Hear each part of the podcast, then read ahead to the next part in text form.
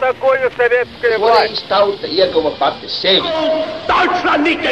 Liktenīgas nejaušības un slēptas likumsakarības, subjektīvas patiesības un objektīvi aizspriedumi. Pēc atkušņa nekad nenāk uzreiz pavasars, bet sākās Arī šodien cilvēki ir ļoti tūredzīgi. Viņi redz to naudu, kas ir. Televīzijā jau pamatā notiek cīņa par varu. Pagātne no šodienas skatu punkta un šodienas caur pagātnes prizmu. Raidījumā šīs dienas acīm. Latvijas radio eterā Eduards Liniņš. Labdien, cienījamie klausītāji! Šodien mēs turpinām mūsu iepriekšējā nedēļā iesākto sarunu par Latvijas Republikas un tās kaimiņu valstu savstarpējo attiecību un robežu jautājumu noregulējumu pēc brīvības cīņu noslēgšanās 1920. gadā. Mans sarunbiedrs studijā - vēsturnieks Ainārs Lerhis.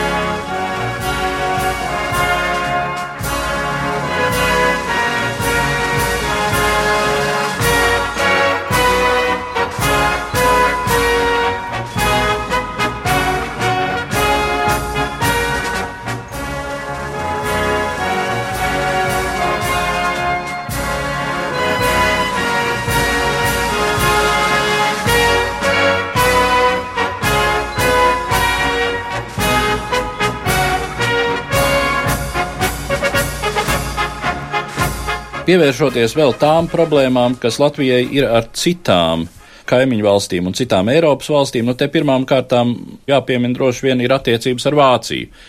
Vācija Pirmā pasaules kara laikā okupē sākumā daļu, pēc tam visu Latvijas teritoriju. Ir zināms laika periods, kad šķiet, ka šī teritorija arī paliks, ja ne gluži Vācijas sastāvā, tad katrā ziņā Vācijas ietekmes sfērā.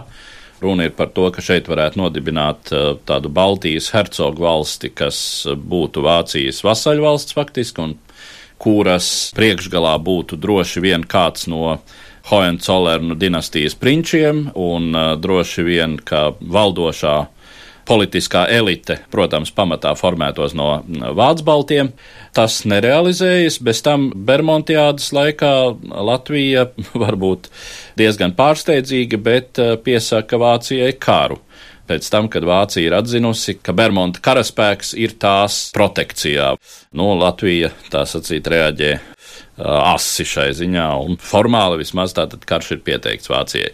Kā ar Vāciju izdodas atrisināt šo politisko un, un diplomātisko problēmu? Mm, tad, kad jau 1919. gada beigās ir skaidrs, ka arī Bermuda vadītais karaspēks nav guvis sekmes Latvijas teritorijā, un tad arī militārā veidā Latvijas bruņotajiem spēkiem sekmīgi izdevās aizstāvēt karaspēka, varbūt uz laiku ieņemto kontrolēto teritoriju un vispār izdzīt šo karaspēku ārā no Latvijas teritorijas un pat vēl turpināt vajāt Lietuvas teritorijā.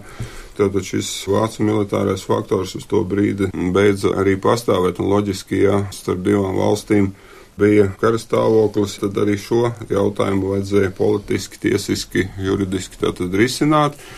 Protams, ka šī bija viena, tāpat kā gadījumā ar miera līgumu ar Padomu Krieviju, tā arī gadījumā ar, ar Vāciju, bija ļoti svarīgi Latvijai tātad arī panākt šo miera līgumu, jo tas nozīmēja Latvijai arī vismaz kaut kādā mērā sakārtot attiecības, lai pārtrauktu karastāvokli tātad ar divām lielvalstīm, kas arī daudzus gadu desmitus vēsturiski ir bijušas ļoti ieinteresētas Latvijas eh, teritorijas kontrolē. Nu, kaut gan ar Vāciju tāda arī bija sarežģīta pirmām kārtām jautājumā par kompensācijām, ko Latvija pieprasīja sakarā ar Vācu karaspēku izdarītiem postījumiem, tā skaitā arī Bermuda karaspēku izdarītiem postījumiem Latvijas teritorijām, ne tikai varbūt Bermudiādas laikā, bet arī vispār Pirms tam arī Pirmā pasaules kara gados no šīm eh, prasībām par zaudējumu atlīdzināšanu būtībā nekas eh, neizdevās. Juridiski jau īsti arī nenoslēdza šo miera līgumu, jā, jo nebija tāda dokumenta ar precīzu nosaukumu Latvijas un Vācijas miera līgums. 1920. gadā notika abu pušu diplomātiskās sarunas un tika vēlāk noslēgts līgums, pareizāk sakot, Latvijas un Vācijas vienošanās par sakaru atjaunošanu. Bija domāts, ka vēlāk varētu tīpaši atrisinot varbūt šos ekonomiskos arī jautājumus Vēl jau īsti nebija skaidrs, ka neizdosies šos kompensāciju jautājumus Latvijai atrisināt ar Vāciju. It kā tādā brīdī vēl bija nelielas cerības, un tāpēc šo līgumu nosauca par tādu pagaidu vienošanos, kurš tika noslēgts 1920. gada 15. jūlijā. Nu, vēlāk cerēja, ka būs miera līgums, vēlākajos gados tomēr nekad šāds dokuments ar nosaukumu miera līgums nav tapis, bet, protams, faktiski arī šis līgums, 15. jūlija līgums, izbeidza kara stāvokli starp Latviju un Vāciju un deva iespēju arī veidot uh, diplomātiskus kontaktus, vēlāk pēc Latvijas starptautiskās atzīšanas, arī diplomātiskas attiecības pārstāvniecību līmeni. Ja, tā kā nu, būtībā arī šis līgums izbeidza šo kara stāvokli un šo līgumu ratificēja 1920. gada 11. augustā. Tas iznāca precīzi tajā pašā dienā, kad tika noslēgts Latvijas un Padomu Krievijas miera līgums. Ja, tā kā šis 11. augusts bija ļoti svarīgs arī šajā ziņā. Tas, zināmā mērā, kalpoja kā tāds simbolisks datums tieši Latvijas attiecību kaut kādā mērā sakārtošanai tieši ar divām lielvalstīm, ar kuru Latvija bija atradusies līdz tam laikam kara stāvoklī. Un vēlāk arī dzen 11. augusts Latvijas pirmajā neatkarības laikmetā piemiņas diena atzīmēta tā laika Latvijas iedzīvotāju kalendāros brīvības cīnītāju piemiņas un uzvaras diena. Vai Vācija tajā brīdī izvirza kaut kādas pretenzijas sakarā ar Baltvācu minoritātes statusu šeit Latvijā? Es domāju, ka šeit ir kur vēlāk arī bija pretrunas un domstarpības par eh, Latvijas agrāro reformu, kur tātad tika ierobežots šis hektāru zemes gabalu platības lielums, pārējais tātad no bijušām muižu zemēm tika uh, muižniekiem atņemts. Tas vēlāk parādījās uh, arī šajās Latvijas un Vācijas diplomātiskajās sarunās un starpvalstu attiecībās.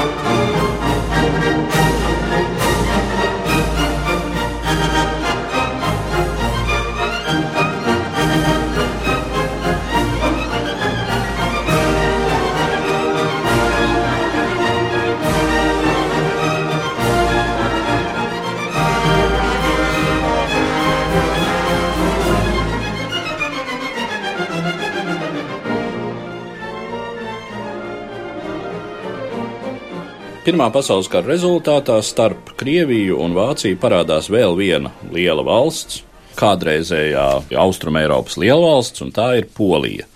Tajā brīdī Polijai ir arī kopīga robeža ar Latviju.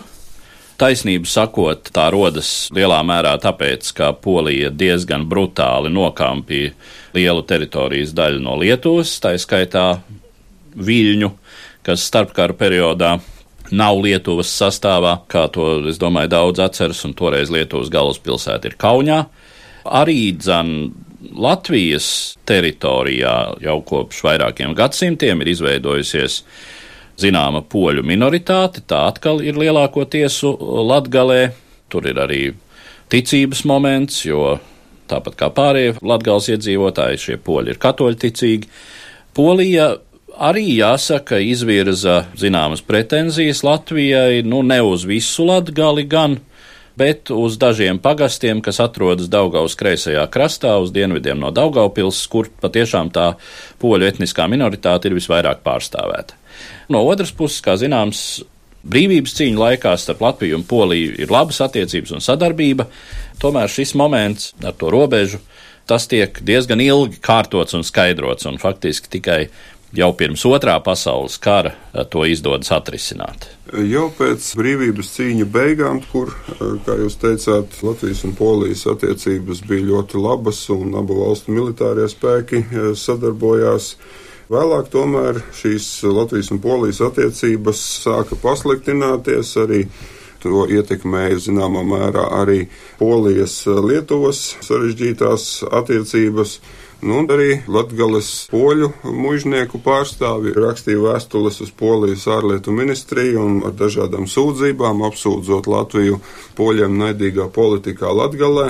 Nu, nevar teikt, ka šīs vēstules gluži neatrada eh, dzirdīgas ausis Polijas eh, ārlietu ministrijā no tādām eh, valsts interesēm, kas Polijai interesē. Polijai bija apgrūtināta pieeja pie jūras sakarā ar Dancigas problēmu. Tad Polija vēlējās tiesības izmantot Latvijas ostas un uz tām vadošās dzelzceļa līnijas. Ja. Nu, un arī attiecībā uz teritorijām poļi tiešām pieprasīja sešus ilūgstas apriņķa pagastus lai zināmā mērā panāktu, ja tā var teikt, polijas tiešu teritoriālu saskarsmi ar Daugaupili. Un arī pēc militārās sadarbības beigām ne uzreiz polijas karaspēks atstāja Latvijas teritoriju. Tas arī bija saistīts ar zināmām grūtībām, tomēr šeit vēlāk arī Polijas militārā darbinieka Pilsudska viedoklis tomēr bija noteicošais, ka poļu karaspēks atstāja Daugavas labo krastu. Protams, Polijas situāciju ietekmēja arī rietumu lielvalstu nostāja, tīpaši, teiksim, Francijas, nu vēlāk Polijas un Latvijas jautājumi tādi kā poļu mužnieku situācija. Latvijai iesākot īstenot Latvijas agrā reformu, bija arī viena no vēlmēm Polijai bija to neatiecināt pret eh, poļu mužniekiem. Arī bija sarežģīti šī nostāja arī Polijā pret Latvijas pirmo sūtni Polijā, Atiķeniņu. Pirms laika Latvija bija spiesta viņu nomainīt pret eh, citu sūtni. Nu, tā tad arī dažādi protesti, tā skaitā 1921. gada pavasarī, pretī šo poļu vajāšanas politiku Latvijā, un ar ko vairāk bija domāta šī agrārās reformas īstenošana. 20. gadu sākumā šīs attiecības nebūtu, nebija vienkāršas, un arī Latvija centās īstenot tādu piesardzīgu politiku, jo Latvijai bija arī jāveido attiecības ar Lietuvu. Šeit arī dzen 1923. gadā, tad, kad sabiedroto jeb Antantas vēstnieku konference tomēr beigās bija akceptējusi Viļņas apgabalu pievienošanu Polijai. Polija tātad atkal izvirzīja šo jautājumu par sešiem ilūgstas apriņķa pagastiem. Vēlāk teritoriālās pretenzijas it kā tika eh, noņemtas. 1924. gadā jau abu valstu attiecības uzlabojās. Nu, 1929. gadā tomēr tika parakstīts starp abām valstīm vairākas vienošanās, un šeit Polijas valdība nu, faktiski eh, atteicās no vairākām Latvijai agrāk izvirzītām prasībām arī uz eh, sešiem pagastiem. Robežu jautājums tika risināts 1929. gadā, nu, un tikai 1932. gadā tika iecelta jauna jaukta robežas komisija, kas tad arī reāli dabā sāka nospraust robežu. Nu, un, protams, ka iespējami tālāk attīstību tai treknu svītru pārvelk uh, otrais pasaules karš, kas Polijas valsti jāsaka, tā kā ar milzīgu liekšķeri pastumi dažus simtus kilometru uz rietumiem, atvirzot attiecīgi polijas austrumu robežu krietni tālu no Latvijas robežām. Un tā robeža, kas savā laikā bija Latvijai, ir Polija, tagad lielākoties ir Latvijas un Baltkrievijas robeža.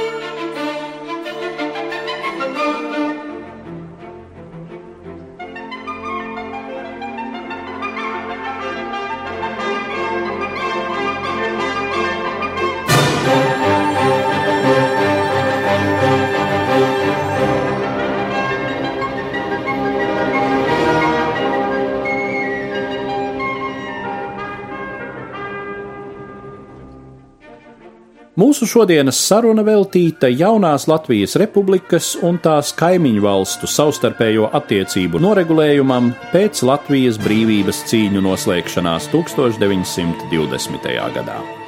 Mans sarunbiedrs studijā - vēsturnieks Ainārs Lerhis.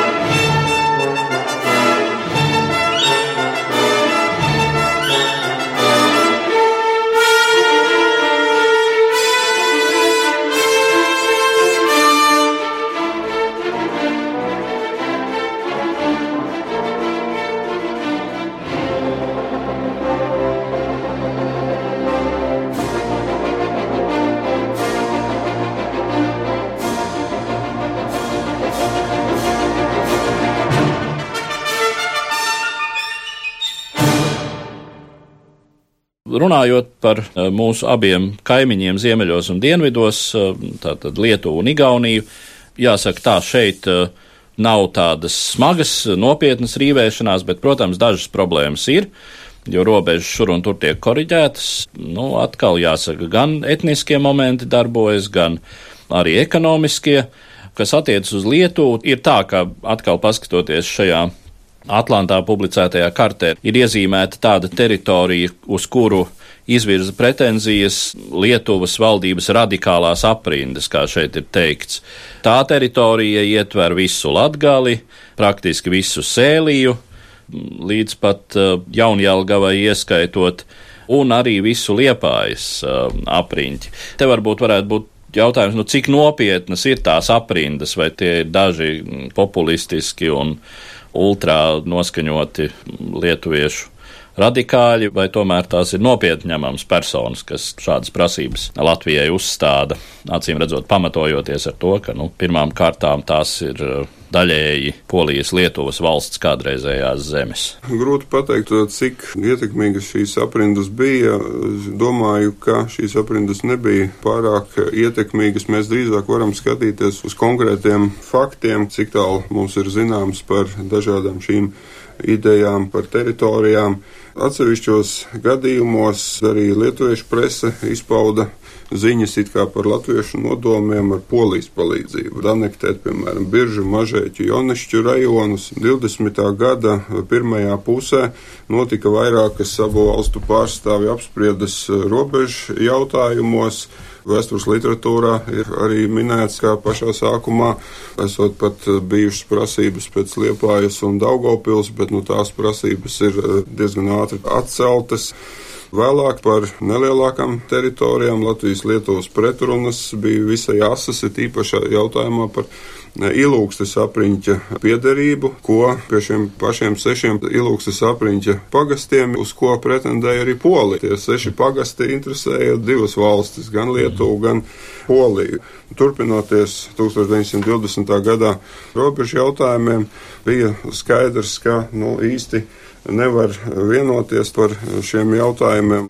Lietuva, piemēram, 1920. gada vasarā kategoriski prasīja palangu un ilūgstes apriņķi, ja, līdz ar to tanī brīdī izlīgums atkal netika panākts. Bija arī demarkācijas līnijas vienošanās starp abu valstu armiju virspavēlniecībām, un bija skaidrs redzams, ka īsti tomēr nav iespējams vienoties tiešās Latvijas un Lietuvas diplomātiskās sarunās, un līdz ar to 1920. gada septembra nogalē abas valstis parakstīja šķīrētiesas konvenciju. Nu, tā arī bija līdzīga kā pusgadu iepriekš, 20. gada martā parakstītā Latvijas-Igaunijas šķīrētiesas konvencija. Nu, tā sanāca, ka robežu jautājumus ar mūsu abām kaimiņu valstīm dienvidos un ziemeļos faktiski izdevās šos jautājumus risināt tikai ar šķīrētiesas palīdzību. Arī e, šī šķīrētiesa beidza darbu 1921. gada martā, nu, un tā tad motivējot ar nepieciešamību nodrošināt Lietuvai pieeju pie jūras, palanga nonāca Lietuvas sastāvā un e, mažēķi. E, nu, un attiecīgi ap šiem pilsētām esošie bijušās kurzemes guberņas rajoni. Nu, savukārt vairāk rajonu no bijušās Kaunas guberņas tika pievienoti Latvijai. Šie rajoni teritoriālā ziņā nedaudz lielākie, nu, ir īpaši rajoni ap tagadēju aknīsti, bet tādā strateģiskā ziņā, protams, ka uh, jūras piekrastes uh, daļais zaudējums no Latvijas pozīcijām skatoties bija.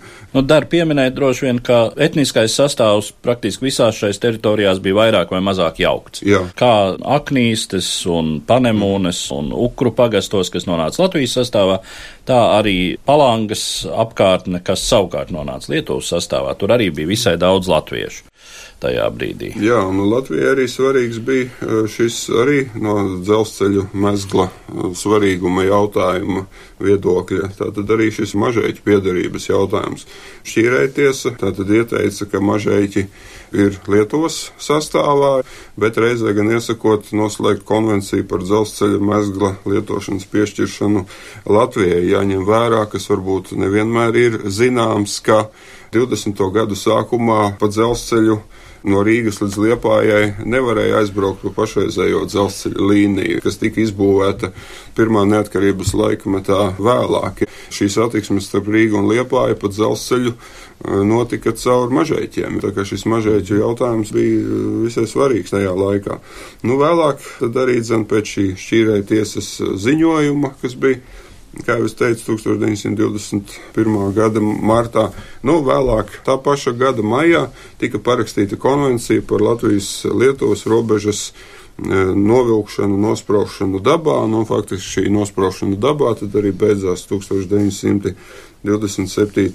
gadā. Dažviet, kā jau tas notiek, šie zemes gabali tiek kaut kādā veidā taisnoti, apmainīti ar vienlīdzīgiem zemes gabaliem, savstarpēji apmainoties. Nu, vēlāk tā tad vēl dažas izmaiņas fiksēja 1931. gadā starp abām valstīm noslēgta konvencija. Bet lielās līnijās var teikt, ka šajā ziņā viss tiek atrisināts daudz maz korekti, Daudz no, korekti jā. no abām pusēm arī robeža lielā mērā atspoguļo tiešām to etnisko robežu līniju. Kas sakāms arī Igaunijas gadījumā? Vienīgais sāpīgais punkts laikam Latvijai ir tas, ka uh, lielākā daļa valkas pilsētas nonāk uh, Igaunijas sastāvā, kaut arī iedzīvotāji tur ir uh, 50 uz 50.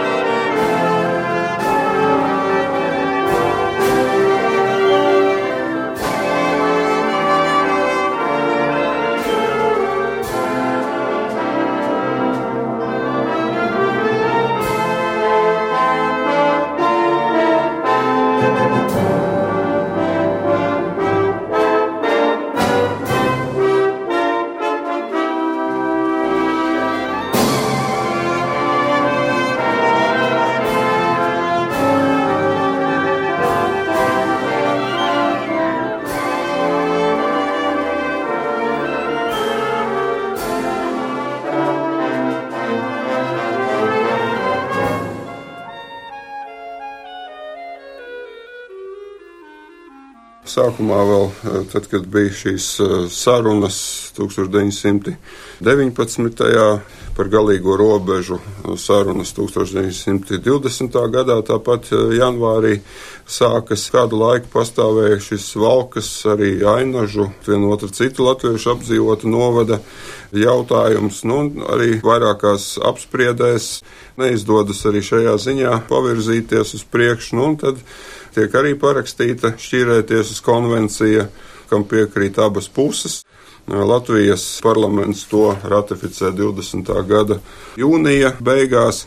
1920. gada jūlijas sākumā arī šķīrē tiesa Anglijas pārstāvja Pūkveža talants vadībā pieņem šo lēmumu jūlijas sākumā. Bet nu, tur bija arī tāda nianse, ka Igaunijas satversmes sapulce bija pieņēmusi uz to brīdi jau arī Igaunijas satversmi, un tai satversmes tekstā bija pasludināts, ka Igaunijas teritorijā ietilpst Valka un Roņu sala. Nu, šī Igaunijas konstitūcija tika pieņemta 15. jūnijā, ja, tad, tad pusmēnesi pirms šī 3. jūlija, kad šīrētiesa pasludināja savu lēmumu. Vēlāk, protams, šī Igaunijas konstitūcija 3. jūlijā vēl nebija gluži spēkā, tā stājās spēkā vēlāk, 20. gada beigās pasludinājums bija.